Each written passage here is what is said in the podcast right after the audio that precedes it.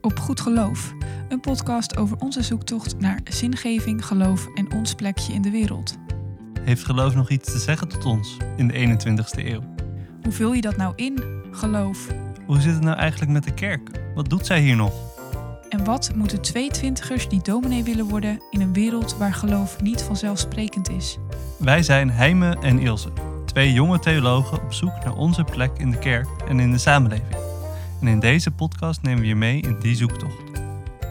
Vandaag gaan we het hebben over zending. Zending is een onderwerp waar veel mensen denk ik wel eens van gehoord hebben of kennen. Ehm, maar wat voor veel van ons misschien wel een ver van ons bed show is. Uh, het gaat vaak over mensen die uh, naar het buitenland gaan. Het zijn ook meestal zendelingen niet mensen die we iedere dag tegenkomen. Um, dus ja, wij wilden het daar vandaag over hebben.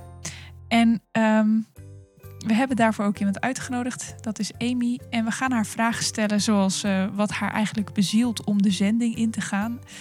Uh, hoe dat nou werkt, hoe je dat moet doen, wat zending is en ja, hoe roeping eruit ziet. Daar weet hij en ik wel iets van. Want wij, uh, wij ervaren ook wel roeping. Maar hoe zit dat voor een zendeling? Nou, al dat soort dingen gaan we het over hebben. Uh, we hebben dus vandaag uh, Amy de Jong als gast. Die komt uit het prachtige Harningsveld Giessendam.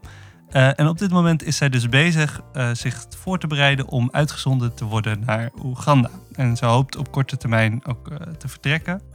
Daar gaat ze onder andere werken met mensen met een beperking en hun families. maar ze zal ook de kerk daar ondersteunen.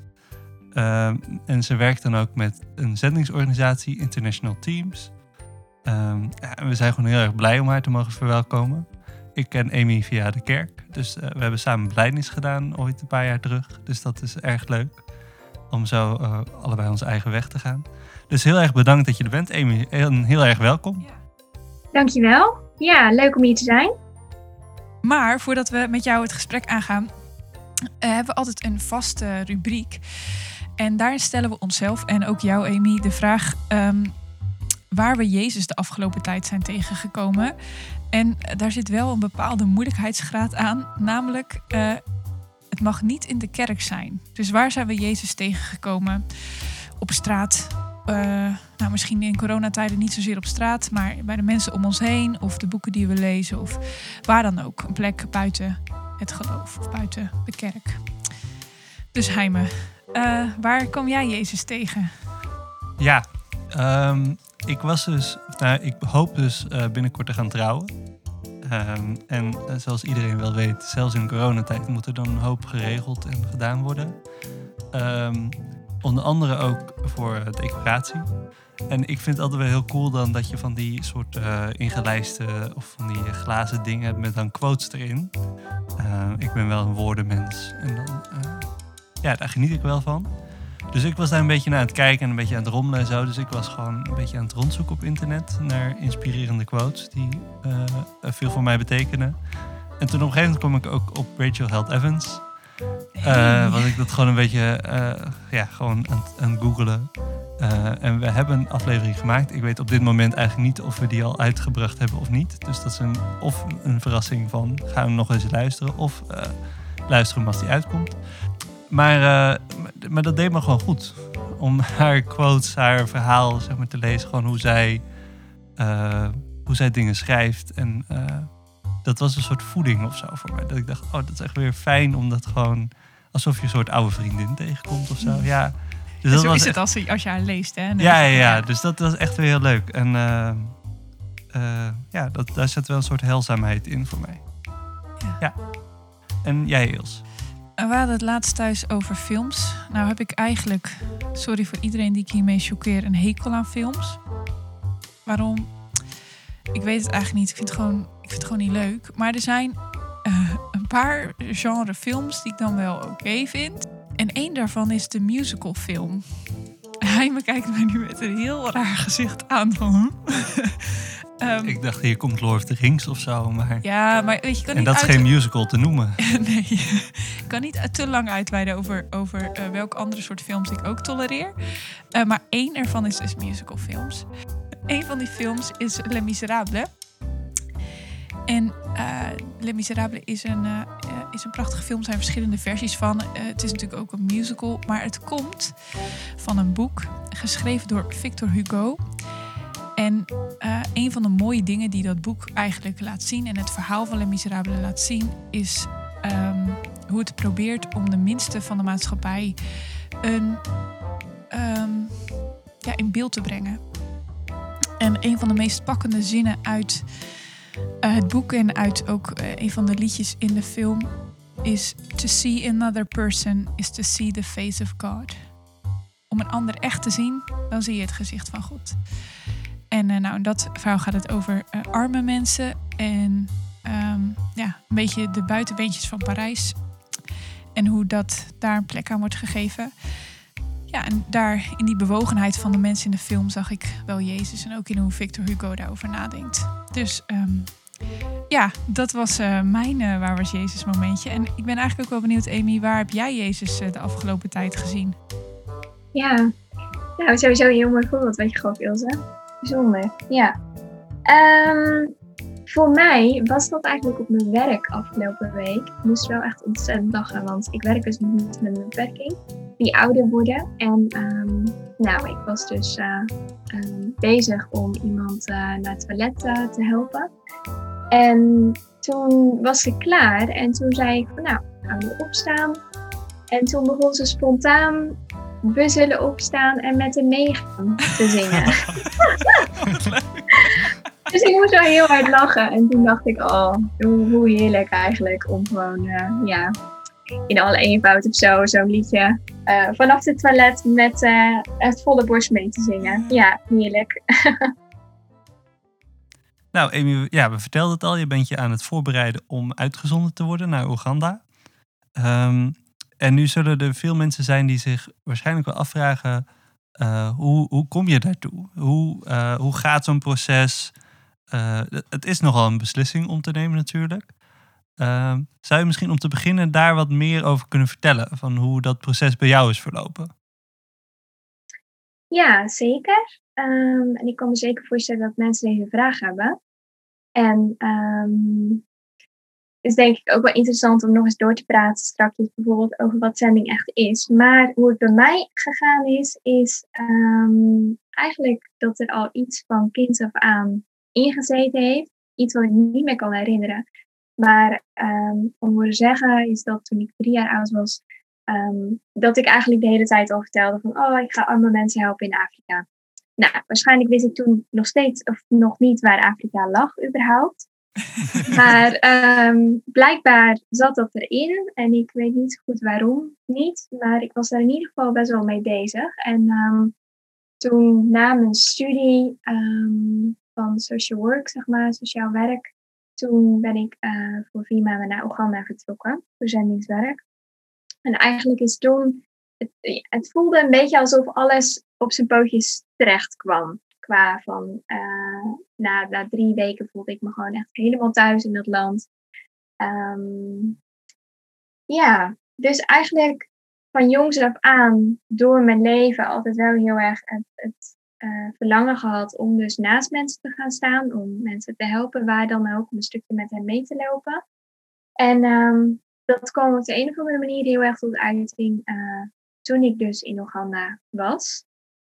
Um, ja, en door de jaren heen is dat uh, ook zeker bevestigd door, uh, door God als het gaat om die specifieke roeping dat ik echt definitief mocht, uh, mocht gaan vertrekken. Ja, mooi om te horen.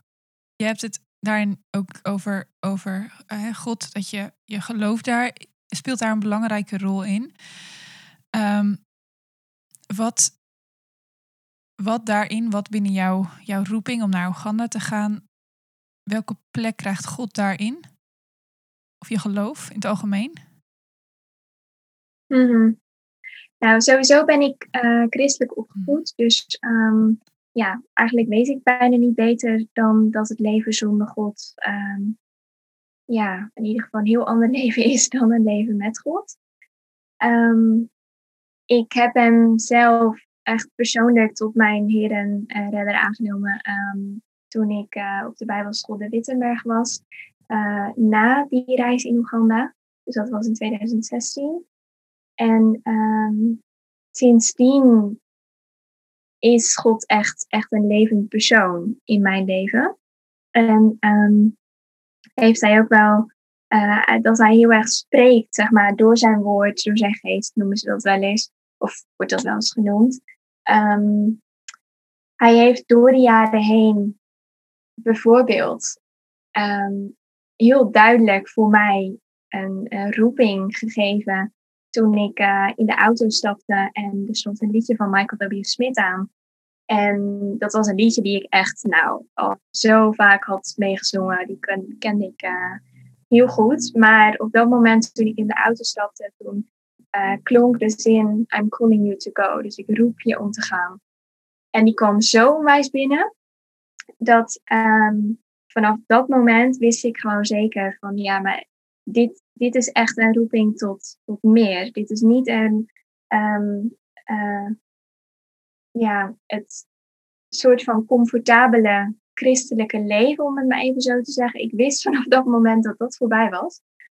Um, wat eigenlijk nou ja, heel veel excitement geeft en ook wel weer, uh, hm. oké, hoe, hoe, gaat dit er dan uitzien voor de toekomst met uh, Oeganda in mijn, in mijn achterhoofd. Um, en hij heeft door de, door de jaren heen, heeft hij ook heel erg wel zijn woord laten spreken. Door teksten zoals bijvoorbeeld in Jezaja 41 vers 10. Van wees niet bevreesd, want ik ben met u. Wees niet verschrikt, want ik ben uw God. Sterk u, ook help ik u. En ik ondersteun u met mijn rechterhand die gerechtigheid werkt. Er zijn diverse teksten die ik zou kunnen opnoemen, die dan opeens uit de Bijbel lijken te springen of zo. Um, en die gewoon heel erg mijn hart raken. En uh, ja, door de jaren heen zijn dat dus wel punten geweest waarop ik onder andere wist dat Oeganda uh, voor mij ja, in de toekomst lag. Ja, en dat zijn ook wel um, dingen die, die wij denk ik ook wel herkennen een beetje met onze roeping. Dat je dus, wat je vertelt van, uh, nou, ik, ik was al heel jong toen zei ik al, ik ga naar Afrika, ook al geen idee waar het ligt. Uh, dus dat je, en, en uh, een liedje dat je al heel vaak kent. Dus dat er inderdaad echt wel een soort bekend aspect aan zit van dingen die gewoon bij jou passen en die jij kent en herkent, zeg maar. En tegelijkertijd ook weer een soort dat verrassende van, oh, opeens komt het heel erg binnen en opeens zo'n moment van, oké, okay, dit wordt hem dus echt. Ja. En hierna gaat het ook echt niet meer hetzelfde zijn, zeg maar. Dat, die, die combinatie, die herken ik in ieder geval wel. Um, ja, en grappig om dat ook te horen, hoe dat ook dus inderdaad ja. Uh, het is ook bij jou heel mooi dat dit soort dingen um, ook heel verschillend gaat per, per persoon, hè? dat wij, om, nou ja, misschien nu best wel wat dingen herkennen, maar ik weet bijvoorbeeld niet hoe dat voor Ilse is. Mm -hmm. Nou, ja, ik herken ook wel. Zei ik niet vanaf kinds aan dat ik graag uh, de kansel op wil hoor. Maar waarin ik me wel herken, is dat voor mij betekent mijn roeping ook een stap naar het buitenland. En ik ben ook wel benieuwd hoe dat voor jou is. Want ik vind dat dus soms best wel spannend. Um, ik weet, en ik, voor mij is die stap naar het buitenland is Engeland. Dat is in bepaalde zin gewoon een buurland. Uh, is niet zo ver weg. Uh, maar ik ben ook wel benieuwd, je had het ook over soms een roeping. In ieder geval voor hoe jij dat ervaart, ook iets oncomfortabels meebrengt, iets moeilijks. En dat herken ik dus in die zin, hè, dat ik naar het buitenland moet of ga.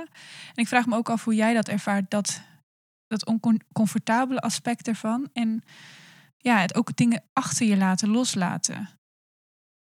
Ja. Um, ja, nou, het heeft inderdaad, denk ik, zeker wat oncomfortabels om eigenlijk die bewustwording te krijgen van oké, wacht, God roept me om echt uit mijn comfortzone te stappen. Um, en wat is die comfortzone dan, waar we dan nu in zitten, waar we eigenlijk, nou, in dit geval, Ilse en ik in ieder geval, uh, uit moeten, omdat er misschien een buitenland aspect bij komt kijken. En uh, voor hem zal dat vast ook zo zijn, maar misschien op een ander gebied. Um, ik denk dat het heel erg te maken heeft met het dingen loslaten inderdaad en controle uit de handen geven. En um, toch wel loslaten wat je weet, wat bekend is.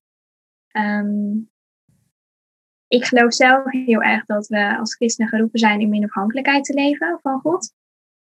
Alleen als we binnen onze comfortzone blijven, is dat soms best wel een lastig dingetje, denk ik. Want bedoel, dan is het best wel heel makkelijk om, uh, om je leven te leiden. En uh, als je precies weet wat er gebeurt en wat je moet doen en waar je goed in bent enzovoort, dan in hoeverre heb je dan God nodig? Hè? Tenminste, dat is voor mij persoonlijk best wel een hele worsteling, of best wel een vraag waar ik mee kan worstelen.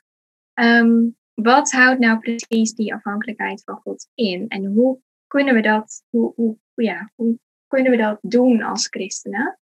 Um, en voor mij persoonlijk ben ik er dus eigenlijk wel echt super dankbaar voor dat ik mag leren leven in afhankelijkheid door dit hele proces.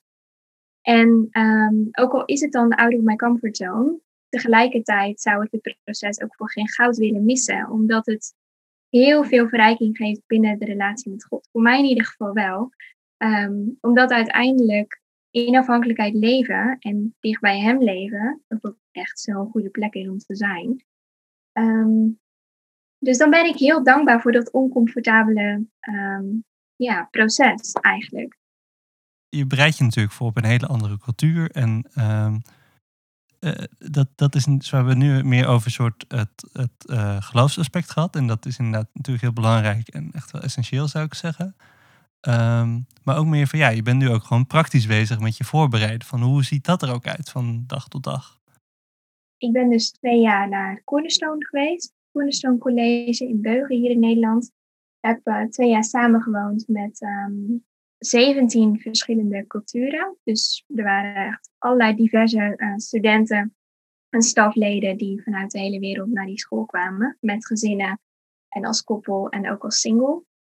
Um, en daar leerden we heel erg over interculturele communicatie en Gods hart achter zending. Um, ook heel erg zelfreflectie. Uh, hoe hou je je stille tijd? Nou, hoe hou je je gevoed uh, ook in een ander land? Anyway, heel veel interessante uh, onderwerpen zijn daar voorbij gekomen. Die training heeft twee jaar geduurd. Um, en dat was dus een van de onderdelen die voor mij heel essentieel geweest is ter voorbereiding om weg te gaan. Um, het heeft mij heel erg gevormd tot wie ik nu ben, maar ook denk ik best wel een behoorlijk um, pakket aan hele goede, weet niet, levenservaring en, en kennis uh, gegeven, wat ik dus nu mee kan nemen naar Oeganda. Um, dus dat is één stukje als, het gaat om praktische voorbereiding. Um, daarnaast zit het hele stuk van de kerk eigenlijk meenemen in dit alles. Want uiteindelijk, in eerste instantie is het een persoonlijke roeping. Maar ik geloof heel erg dat zending een opdracht is van de kerk. En ik ben onderdeel van de kerk. En hoe ziet, de kerk dan zending? Nou, dat heeft ook best wel wat gesprek nodig, denk ik, om daarin op één lijn te komen en um, om tot een moment van uitzending te komen. Bij mij heeft dat uh, ook drie jaar geduurd ongeveer. Tegelijkertijd zie je dan ook wel door zo'n heel proces uh, van dus voorbereidingstraining en ook van voorbereidende gesprekken, van het zoeken naar een zendingsorganisatie, uh, van, van worstelen met financiën, uh, van verzekeringen regelen, heel veel. Dat zo'n heel proces, um, dat het ook erbij hoort en dat het ook goed is dat dat wat tijd kost. Um, als ik zie naar waar ik vier jaar geleden stond, of vijf jaar geleden stond en waar ik nu sta, is dat denk ik een hele wereld van verschil. En heeft God daarin heel erg gevormd en geslepen. Heeft hij afgebroken, maar ook opgebouwd wat, wat goed is en wat ook helpend hopelijk is voor de toekomst. Zo'n lange voorbereidingstijd is dus goed, maar niet altijd makkelijk. Omdat ik um, niet kan wachten om te vertrekken. Dat is natuurlijk uiteindelijk heel erg waar je naartoe werkt, de hele tijd. En um, je bent eigenlijk niet, of ik ben niet bezig met het opbouwen van een leven hier in Nederland. Ik ben bezig met het opbouwen van het leven in Oeganda. En um, daarnaast zei, uh, zei hij me ook wel van, ja, het, um, het vraagt ook wel offers, tenminste zo noem ik het dan zelf, om Nederland achter te laten en om weg te gaan, omdat je toch uh, familie en vrienden achterlaat. Nu ken ik mezelf een beetje als best wel heel erg een mensenmens. Gewoon heel erg genieten van de relaties en van naast iemand gaan staan en, en ja, heerlijk te, te verdiepen in relaties en die te onderhouden. En ehm, niet dat het hier tot een einde komt of zo, dat het dan opeens stopt. Maar ik weet wel dat het spontane in die relaties gaat veranderen. Dan ben ik heel blij met, uh, met alle social media bijvoorbeeld. En Skype en Zoom en dat soort dingen. In deze tijd. Dat is echt een zegen. Maar er gaat niks boven met elkaar een uh, heerlijke kopje thee drinken op de bank. wat een beetje suf klinkt. Maar waar ik wel gewoon heel van kan genieten. Van een goed gesprek en een kop thee met een vriendin. En dat gaat veranderen. Ja, en dat, dat brengt offers met zich mee wat dat betreft. Leven in dat vertrouwen ik hou vast. En daardoor kan ik ook denk ik constant zeggen, dit is de juiste weg om te gaan. Het is oké. Ehm, en ik ben ook altijd heel erg blij om te weten dat God ook wel die pijn kent. Dat hij ons hart kent, dat hij weet wat we er soort van voor op moeten geven. Ehm, en dat hij daarin ook meegaat. Dus dat is ook goed zo.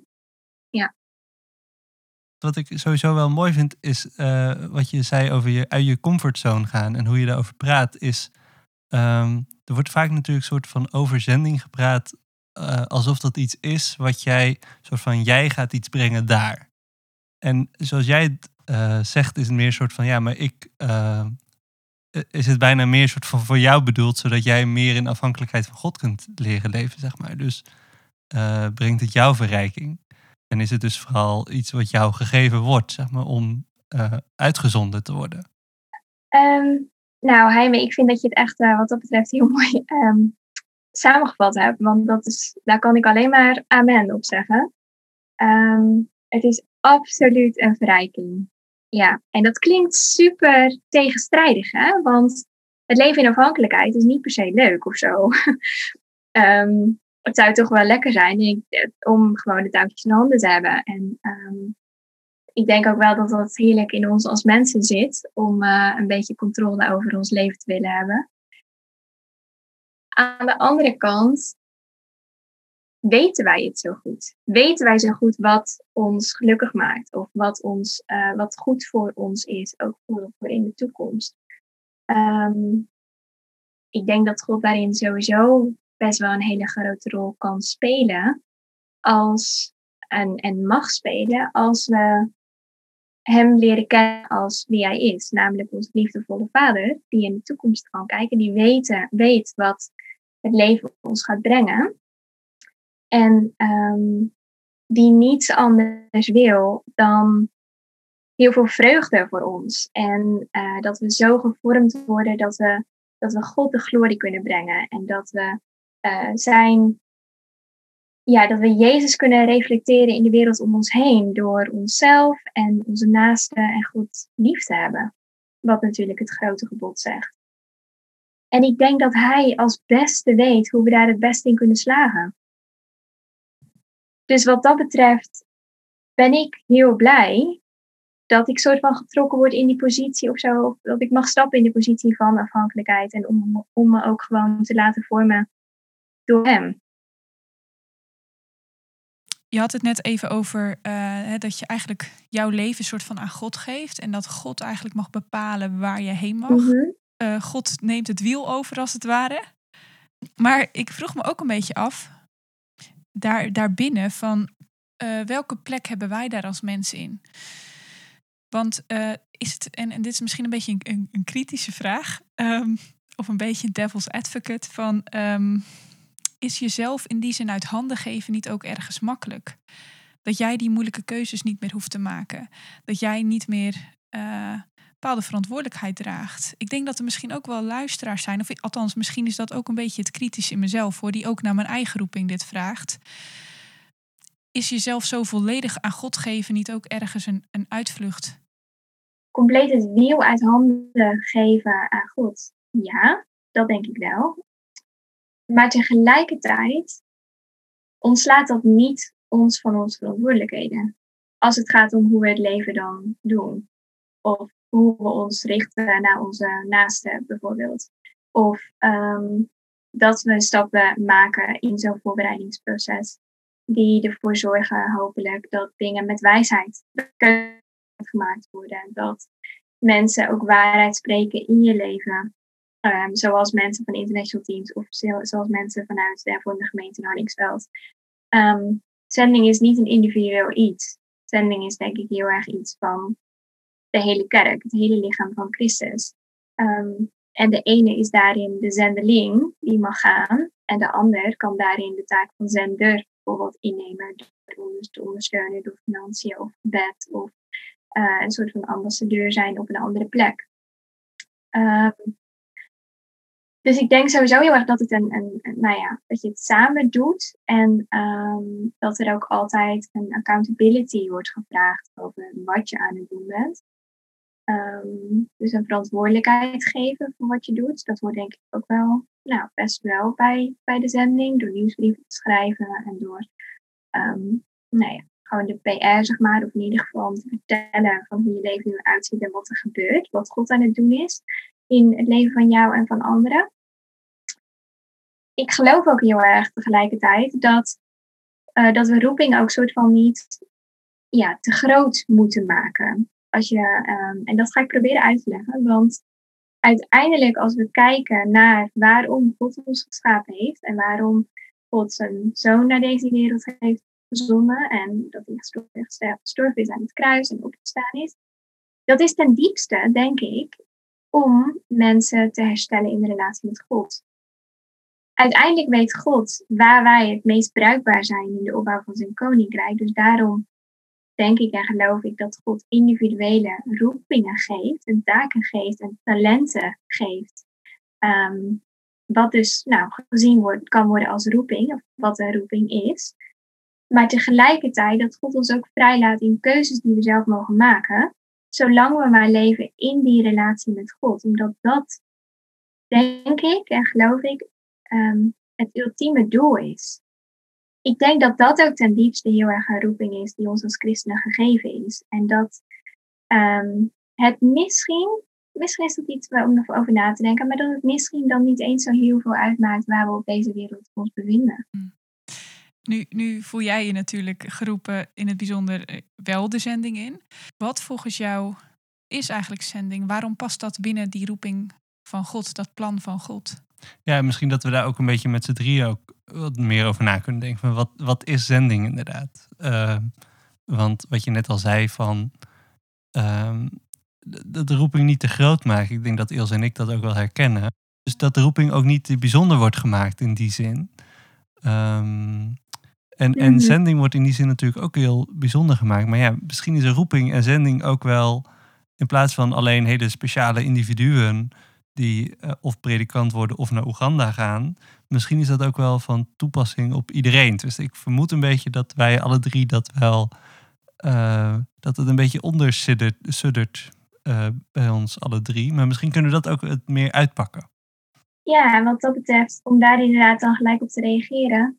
Um, dat ben ik wel helemaal met je eens, Heime. als het gaat om dat het misschien wel iets is wat voor ons allemaal als christenen geldt. Maakt niet uit waar je, waar je bent. Of um, hoezeer je een soort van um, bezig bent met zending bijvoorbeeld. Waartoe roept God een christen? Ja. ja. Ik denk uh, tot heel wat dingen. Wat best ook wel, um, nou ja, om het maar gewoon even te noemen, bijvoorbeeld ik denk heel erg dat God een christen roept om, uiteindelijk God de glorie te geven, om Jezus te volgen, om zoals Hem te zijn, om Hem te laten zien in de wereld, om God lief, lief te hebben en die naast als jezelf. Nou, dat pakketje kan je ook best al, daar kan je natuurlijk ook sowieso al best wel mee worstelen. Um, of ik weet niet of worstelen, het goede woord is, maar um, als je daar heel actief en bewust mee bezig gaat zijn in je christelijk leven, gewoon op je werkplek, gewoon bij je thuis, in het gezin waar je leeft of waar je alleen leeft, of binnen studentenkamers bijvoorbeeld, um, daar heb je denk ik al best wel je handen vol aan. Ja. Om daar bewust mee bezig te zijn en om dat tot een levensstijl te maken of zo. Ja, daar hoef je, Wat denk je? daar hoef je niet voor naar Oeganda en daar hoef je eigenlijk ook niet voor de kansel op in die zin. Uh, nee, gelukkig niet. Gelukkig niet, anders dan. Uh... Nee, ja. Nee. Nee, ik ben blij dat er heel wat meer plekken zijn eh, om christen te zijn dan in het verre buitenland of op, of op de preekstoel. Ja, Zeker. Ja, ja, in een bepaalde zin is dat natuurlijk het uitdragen van wat je gelooft. Daar hoef je, hoef je niet een zendeling of een dominee voor te zijn. Eh, maar dat, en zo zie ik dat ook. Dat is ook deel van de christelijke. Ik vind zending soms wat agressief klinken, maar deel van de christelijke Mhm. zending. Ik bedoel trouwens daar niks persoonlijks mee, maar het klinkt altijd, ja, het klinkt zo hoog. Dat vind ik ook met missie of zo, zo hoogdravend, alsof we een heel, eh, alsof we de wereld gaan veroveren of zo. En ook dat ben ik wel met je eens. Want ehm, het is echt niet nodig dat mensen die bijvoorbeeld zo'n stap maken als dat ik maak, dat die op een voetstuk gezet worden of zo.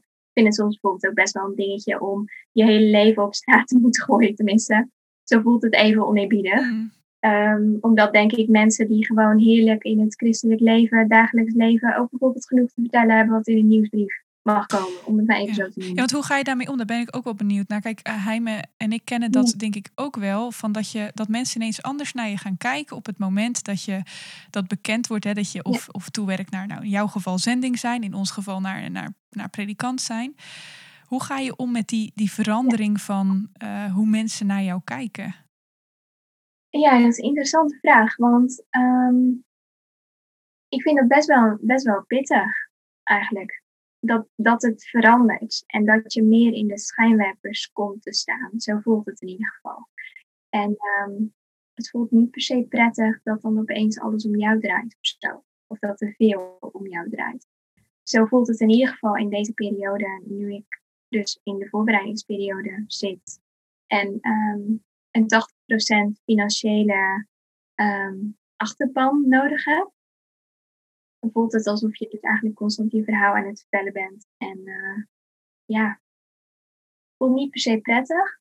Tegelijkertijd um, ben ik ook soort van wel dankbaar om woorden te mogen geven aan wat God aan het doen is. Ik weet niet of jullie dat misschien herkennen, maar het idee dat misschien mijn proces met God zegen zou kunnen zijn voor iemand anders, daar word ik op zich wel heel blij van. Ja, ja dat vind ik ook wel mooi hoe je dat zo zegt, inderdaad. En, en in die zin is het natuurlijk niet zo heel veel verschillend van ja, gewoon hoe wij eigenlijk onze waar was Jezus bijna. Uh, dus hoe wij gewoon vertellen van, nou, ik heb in, uh, in dit en dat heb ik gewoon Jezus gezien. En heb ik ervaren dat hij goed voor mij is. En dat hij voor me zorgt ja. of dat hij me dingen leert of weet ik veel wat. Um, en dit is misschien een iets andere schaal, zullen mensen zeggen. Um, maar, maar in die zin is het, nou, waar de Bijbel ook misschien ook wel weer een soort functie in heeft. In die zin, de Bijbel vertelt ons natuurlijk ook verhalen van mensen die met God te maken hebben. Um, dus waarom zouden we dat onderling inderdaad niet ja. doen? Ja, goed punt. ja. Ik ben eigenlijk ook wel benieuwd uh, aan de hand van wat jij, jij zegt, Amy, van hoe wij uh, met die spanning omgaan. Er wordt wel eens namelijk gezegd uh, onder de predikanten, zeg maar, dat het ambt, of eigenlijk de naam predikant, mm -hmm. uh, en wat dat betekent, jou draagt. En ik, ik, ik vind dat altijd moeilijk, en ik ben ook benieuwd hoe jij dat ervaart, Amy. In hoeverre word je predikant en in hoeverre blijf je jezelf? Dus in hoeverre ben ik predikant straks en in hoeverre ben ik, blijf ik ook Ilse? En hoe verhouden die twee zich tot elkaar? Want mensen gaan natuurlijk nu uh, uh, jou heel erg de zendeling zien.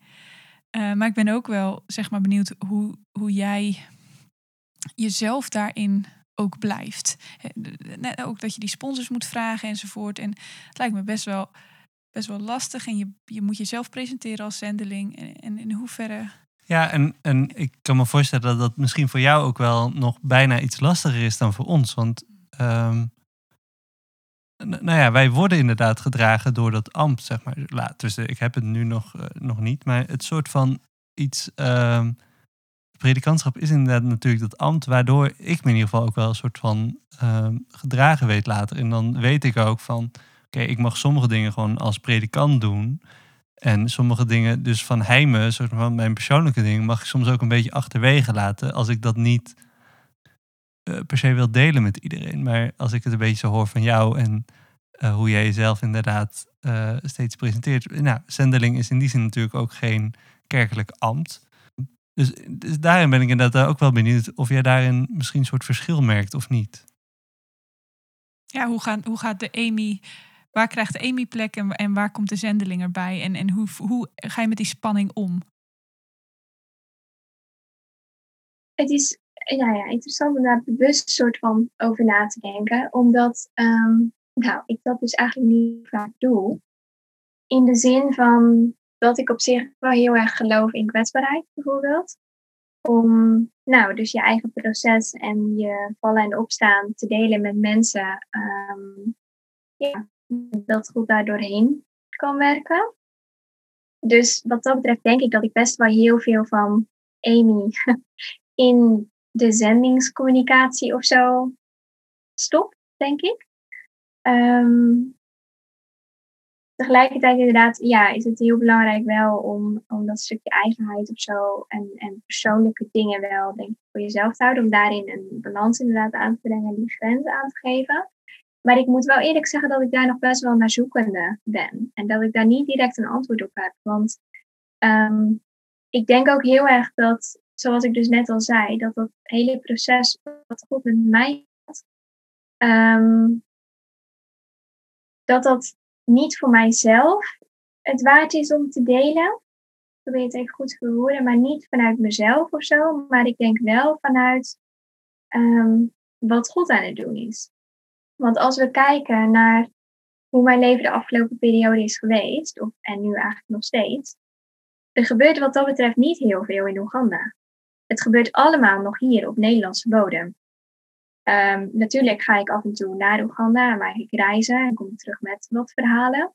Maar wat ik het liefst zou willen gaan doen, namelijk naast families met kinderen met een beperking gaan staan, met hen meelopen en mensen bemoedigen en zien door de ogen van Jezus, um, dat gebeurt nu niet. Daar ben ik nu nog niet actief mee bezig.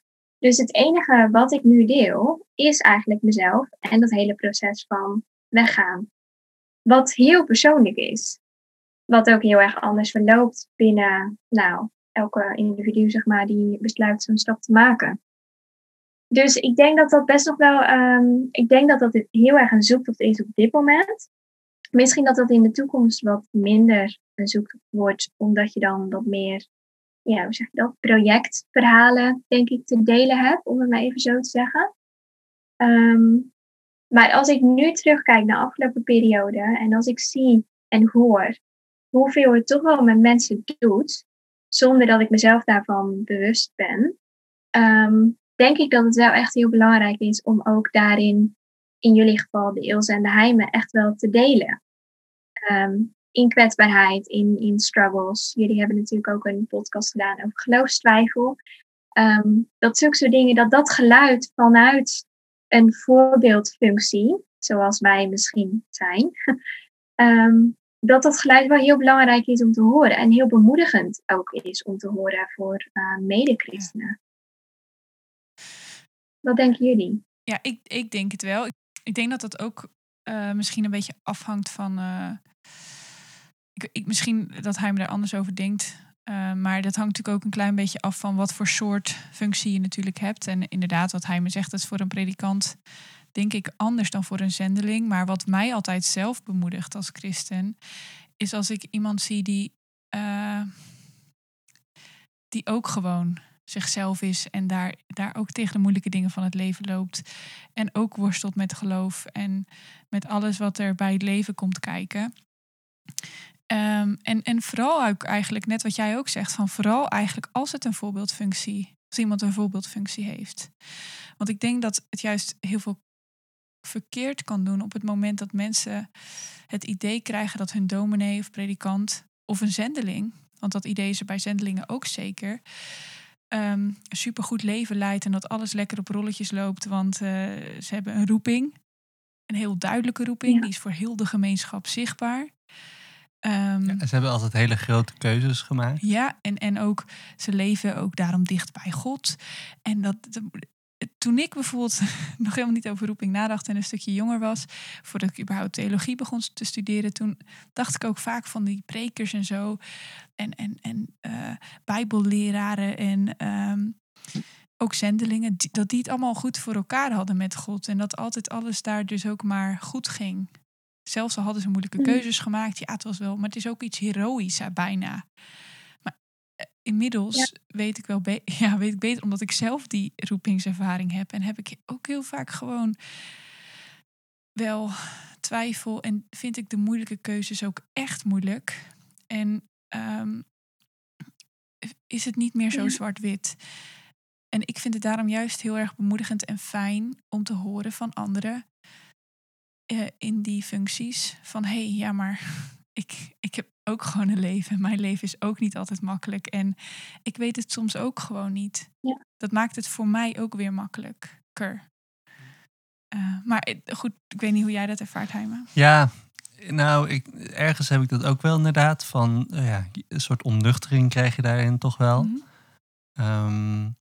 Maar ik denk dat ik meer dan Ilse ook wel weer... Ja, het is ook voor mij een zoektocht hoor. Maar um, ik vind die soort die bescherming die het ambt biedt voor mij, uh, zoals ik bedoelde net al een beetje van, ik vind het ook wel lekker om er af en toe een beetje achter te verschuilen. Dat bedoel ik niet als een soort uh, wegvluchten.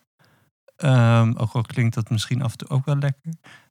Um, maar uh, om af en toe ook gewoon privé dingen privé te houden, zeg maar. En um, ik geef me in mijn werk als predikant aan de gemeente, maar dat betekent niet ja, goed, een soort van, dat is een beetje de, de, uh, de spanning die je hebt. Van ergens ben je 24-7 predikant.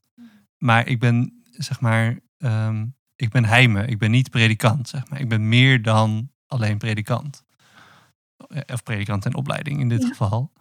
Um, en ik zit ook een beetje, net een beetje toen Ilse aan het praten was, te denken van... Um, tuurlijk, ik vind het echt wel goed om mensen mee te nemen in soort dat, je, dat het ook niet makkelijk is, zeg maar. en we hebben het altijd niet helemaal voor elkaar en uh, wij twijfelen ook en zo. Maar ik denk dat er ook wel een soort categorie aan vragen en twijfels komt uh, met gewoon de tak van werk die je kiest. Uh, die gewoon specifiek voor die tak van werk zijn en die mensen die dat niet doen gewoon niet zo goed begrijpen. En dat is niet, niet um, dat is helemaal geen waardeoordeel naar, naar jezelf of naar andere mensen toe. Maar ik snap mhm. dat je sommige twijfels niet helemaal kunt delen, gewoon omdat die eigen zijn aan wat jij doet. Uh, dus misschien moet je. Dus ik zit daar een beetje over na te denken dat je daar misschien ook niet te veel moet verwachten van het delen. Want het delen is in die zin niet zo nuttig misschien. Nou ja, ik denk het dus juist wel. En dat gaat niet per se over de twijfels die, die wij misschien hebben op de gebieden waarin we specifiek aan het werk zijn. Dus of dat nu is of je naar het buitenland moet, of dat het voor ons misschien is wat we van bepaalde theologische kwesties vinden of niet, welke vragen we hebben. Maar het gaat er denk ik bij mij meer om dat dat delen waardevol is, omdat meer op, op levensgebied. Iedereen loopt tegen dingen aan. Hmm. Iedereen kent lijden. Iedereen kent pijn. Iedereen kent um, vragen in het algemeen. Hè? Dus bijvoorbeeld, uh, um, wat, uh, welke keuze moet ik maken als, als dit op mijn pad komt? Levenskeuzes. Um, en dat daar ruimte voor is, ook om dat te zien bij degene in voorbeeldfunctie. Dat is denk ik belangrijk. Ja, ja, ja. Maar ik ben het met je eens, ja, het heeft niet zoveel zin als ik ga als ik uh, probleem van het lijden probeer op te lossen. In mijn nee, maar het, nou ja, wat, ik, ik weet me in die zin gecorrigeerd ook inderdaad van wat Amy, inderdaad, wat jij net vertelde, van uh, dat je bijvoorbeeld lastig vindt om een soort uh, uh, jezelf rond, zeg maar, met die financiën, dat je daar heel erg allemaal mensen soort van moet aanspreken en, en hoe, hoe pak je dat aan? Het, het probleem aan zich mhm. herken ik niet. Um, want ik hoef niet voor, op, voor fondsen op zoek. Um, maar ik kan me inderdaad wel een soort van inleven in dat probleem. En dat is natuurlijk wel fijn als je dat zo kunt delen. Um, ja. Ja, dus. Dat dus ja, precies. Dus dat is inderdaad. Um, ja, maar goed, het, het blijft een zoeken, denk ik. En dat, dat nemen we, denk ik, uh, alle drie uh, mee. Nou, uh, Amy, jij gaat helemaal naar Oeganda. En ik denk niet dat iedereen die luistert, of überhaupt iedere christen, die kan niet naar Oeganda nu, op dit moment. En ik ben eigenlijk wel benieuwd: heb jij een tip of een manier waarop mensen die luisteren, waarop christenen die gewoon in Nederland blijven met een gewone baan en een gewoon leven, hoe die zich ook kunnen inzetten voor zending of misschien in bredere zin voor het verhaal van God in de wereld? Ja, nou, ik denk dat we het daar misschien hebben wel heel even wat over gezegd, denk ik, met elkaar. Van wat is de roeping van iedere christen en hoe geef je ook, zeg maar, je, nou, je christelijk leven of je leven met God ook vorm in je directe omgeving. Hè? Ehm, dus dat, ja, wat ik heel erg wel zou willen meegeven is van, joh, ga daar eens gewoon bewust mee aan de slag of zo. Ga daar bewust, word daar bewust van. Ehm, en, en sta open, zeg maar, voor, voor mogelijkheden die op je pad komen. Ehm, dus ja, dat sowieso. En eigenlijk ehm, zou ik hem ook nog wel breder willen trekken. En dan ga ik een een nieuw onderwerp aansnijden. Maar denk ik wel echt belangrijk om te noemen in het kader van zending. Is dat heel veel mensen eigenlijk niet weten dat een derde van de wereld. Ik zeg het nog even een keertje, want vond het heel shocking de eerste keer. Een derde van de wereld kent Jezus nog niet. En die hebben gewoon geen idee wie God is, wie Jezus is. Ehm, geen toegang tot de Bijbel. Uh, dat vond ik heel heftig. Um, ze noemen dat ook wel de onbereikte bevolkingsgroepen. En um, je zou uh, daar nou je eigen onderzoek naar kunnen doen. En dan kan je zien dat er echt heel veel landen of delen van landen nog niet bereikt zijn. En dat heeft bij mij wel heel veel gedaan. En daardoor wel heel erg de bewustwording gegeven uh, hoe belangrijk bijvoorbeeld gebed is in het zendingswerk. Gebed voor um, mensen die Jezus niet kennen. Gebed voor mensen um, die bijvoorbeeld de roeping ervaren om naar zo'n onbereikte bevolkingsgroep te gaan. Of het vertaalwerk van uh, Bijbels. Of, nou, weet je, helemaal in die, in die context. Daar heb ik niet echt nu over gehad. Maar nogmaals, ik denk wel dat het belangrijk is om te noemen. Um, en dat we zo ook als, als kerk en als christenen, denk ik, zoveel kunnen bijdragen wel aan het zendingswerk vanuit onze eigen, eigen woonplek, vanuit ons eigen huis. Door die bewustwording te hebben en door die nood op te dragen uh, in gebed. Want gebed heeft heel veel kracht. Ja, dankjewel Amy. En um, ja, mooi inderdaad van nou ja, goed, volgens mij is in Nederland inderdaad ook al heel veel mensen gewoon nog te bereiken. En uh, nou, ik zou zelfs zeggen, zelfs aan mensen die Jezus wel kennen, uh, je kunt volgens mij nooit genoeg van Jezus liefde krijgen. Dus daar kun je ook nooit genoeg van doorgeven. Ja, nog een laatste vraag eigenlijk voor jou. Um, waar kunnen mensen je vinden? Hoe kunnen mensen je volgen als je straks in Oeganda bent? En ook, ja, gewoon heel praktisch, waar kunnen mensen je steunen? Heel leuk om uh, zo bij jullie, uh, ja, met jullie in gesprek geweest te zijn. Heel tof. En ook dank voor deze vraag. Ja, we zijn actief op diverse social media kanalen. En ik werk onder de naam Special Joy. Um, dus als je Special Joy of Amy in Oeganda, geschreven op zijn Engels, dus met een U voor Oeganda. Als je zoekt dus op Amy in Oeganda of Special Joy of beide, dan vind je ons wel.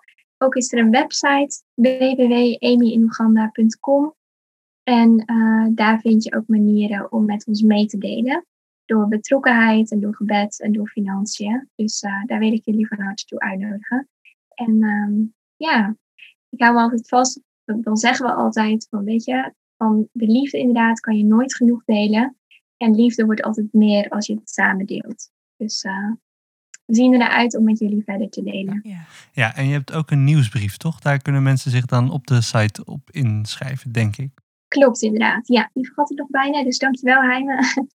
er is inderdaad een nieuwsbrief. Stuur ons dan even een uh, mailtje naar e- en dan uh, voegen we je toe aan de lijst. Oké. Nou, wij zorgen dat het allemaal in de show notes uh, belandt. Dus mocht je Amy willen supporten op wat voor manier dan ook, of gewoon op de hoogte willen blijven, kijk dan even in de beschrijving van deze aflevering. Hartelijk bedankt, Amy, voor, ja. voor, voor het delen van je verhaal. Dankjewel. Jullie ook heel erg bedankt. Ja, yes. heel fijn om uh, zo met jullie in gesprek te zijn. Dank je. Heel erg bedankt dat je luisterde naar deze aflevering van Op Goed Geloof. We willen graag dat meer mensen ons vinden, dus vond je het leuk? Stuur deze podcast dan door en laat anderen ook kennis maken met de podcast Op Goed Geloof. Je kunt ons beluisteren op Spotify en iTunes en waar je ook maar naar je podcast luistert. Heb je ideeën of vragen? Of weet je een gast, onderwerp of thema dat echt een keer op deze podcast langs moet komen? Of wil je ons gewoon een berichtje sturen? Kom dan met ons in contact. Je kunt ons vinden op Instagram en Facebook via Op Goed Geloof. En je kunt ons ook mailen op goedgeloof.gmail.com. Een podcast maken kost geld. Dus zou je ons willen steunen zodat we deze podcast kunnen blijven maken? Ga dan naar opgoedgeloof.nl slash doneren. Dat kan door een eenmalige donatie te doen of door goedgelovig te worden. Als goedgelovige krijg je toegang tot extra content als overdenkingen en extra afleveringen. Ook maak je als goedgelovige kans op de relieken die we af en toe verloten. Mocht je helemaal geen zin hebben om ons geld te geven, maar wil je wel wat doen, niet getreurd. Je helpt ons al enorm door een goede review achter te laten op iTunes. Geef ons bijvoorbeeld 5 sterren. Zo kunnen meer mensen op goed geloof vinden. Bedankt voor het luisteren en tot de volgende keer.